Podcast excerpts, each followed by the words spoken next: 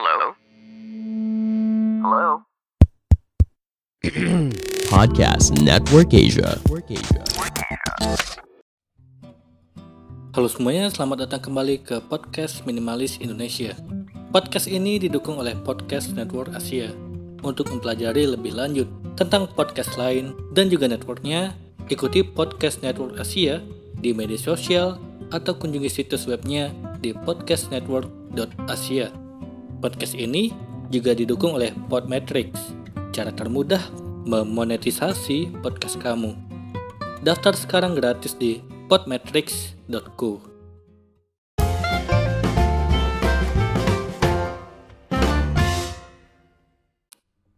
Halo semuanya, kembali lagi bersama saya Madianto. Kali ini kita akan membahas tentang kebiasaan pengubah kehidupan. Hello Habits, buku pengembangan diri merubah kebiasaan seseorang agar hidup lebih teratur dalam mengatur waktu. Penulis dari buku ini bernama Fumio Sasaki yang berasal dari Jepang. Dia bekerja sebagai seorang penulis dan sosok minimalis. Salah satu karya yang lain juga tak kalah populer dan laris di tingkat internasional yaitu buku Goodbye Things. Jepang merupakan negara yang terkenal dengan kehidupan masyarakatnya yang minimalis. Maka dari itu, Fumio Sasaki menulis buku Hello Habits yang berangkat dari uji coba dalam dirinya sendiri. Sasaki memilih kehidupan yang minimalis, berawal dari tertekan karena kerjaannya yang padat dan kurang percaya bahwa dirinya mempunyai bakat hingga Sasaki menemukan dan menjalankan kehidupannya yang minimalis. Dalam urusan bakat, Sasaki berkata, bakat bukanlah sesuatu yang dianugerahkan kepada kita. Bakat adalah sesuatu yang diciptakan sebagai hasil dari kebiasaan yang terus-menerus dilakukan. Penulis mengatakan, kebiasaan adalah kegiatan rutin yang diaktifkan oleh pemicu dan berlangsung saat kita memburu hadiah atau imbalan. Banyak orang-orang yang susah melakukan kebiasaan secara terus-menerus di buku Hello Habits. Penulis memberi berbagai langkah-langkah untuk melakukan kebiasaan. Penulis juga mengungkapkan yang paling pertama, yaitu harus punya keteguhan hati agar seseorang lebih mantap saat dalam menjalankan kebiasaan-kebiasaan yang dilakukannya.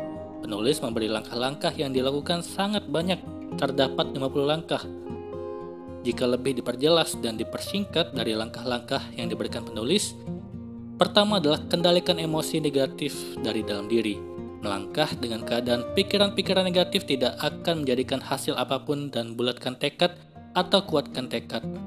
Penulis mengungkapkan setiap orang menemukan cara untuk menjalani kehidupannya sehari-hari dengan sibuk bekerja atau menghabiskan waktu sehari-hari untuk bermalas-malasan semua itu kembali kepada individu masing-masing mau berusaha untuk dirinya lebih baik atau mau meneruskan kebiasaan yang kurang produktif. Produktif bukan hanya banyak kegiatan sepanjang hari dan yang dikerjakannya hanya satu hal saja, melainkan kegiatan semua yang dilakukan dengan teratur dan positif dalam satu hari yang kemudian suatu hari menghasilkan hal yang diinginkan. Kedua, siapkan diri untuk dapat menerima hasil atau proses yang akan didapatkan ke depannya. Ketiga, pelajari pemicu dan imbalan untuk kebiasaan kita. Keempat, jadilah detektif yang memburu penjahat sebenarnya. Maksud dalam hal ini, penulis menginginkan pembaca gigih terhadap targetnya. Kelima, mulailah dengan kebiasaan utama, walau kegiatan kecil.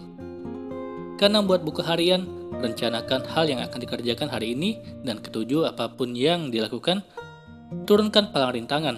Sadari bahwa rintangan lebih sulit, Kedelapan, mulailah bekerja menurut rencana. Kesembilan, selalu tingkatkan level motivasi sambil meningkatnya tantangan.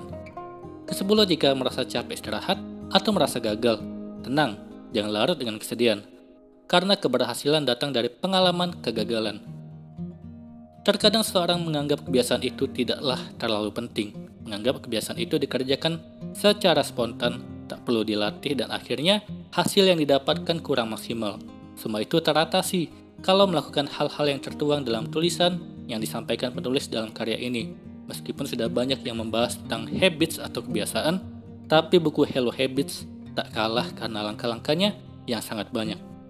Karya Fumio Sasaki ini sangat direkomendasikan remaja, mahasiswa, baik orang yang sudah bekerja maupun orang tua atau ibu rumah tangga. Buku ini cukup meyakinkan pembaca agar melakukan langkah-langkah yang dituliskan. Kelebihan buku Hello Habits terdapat pada gambaran contoh yang disampaikan di tulisannya Misal seorang anak rela menunggu demi mendapat imbalan marshmallow lebih banyak. Dan ini bukti dari keteguhan hati.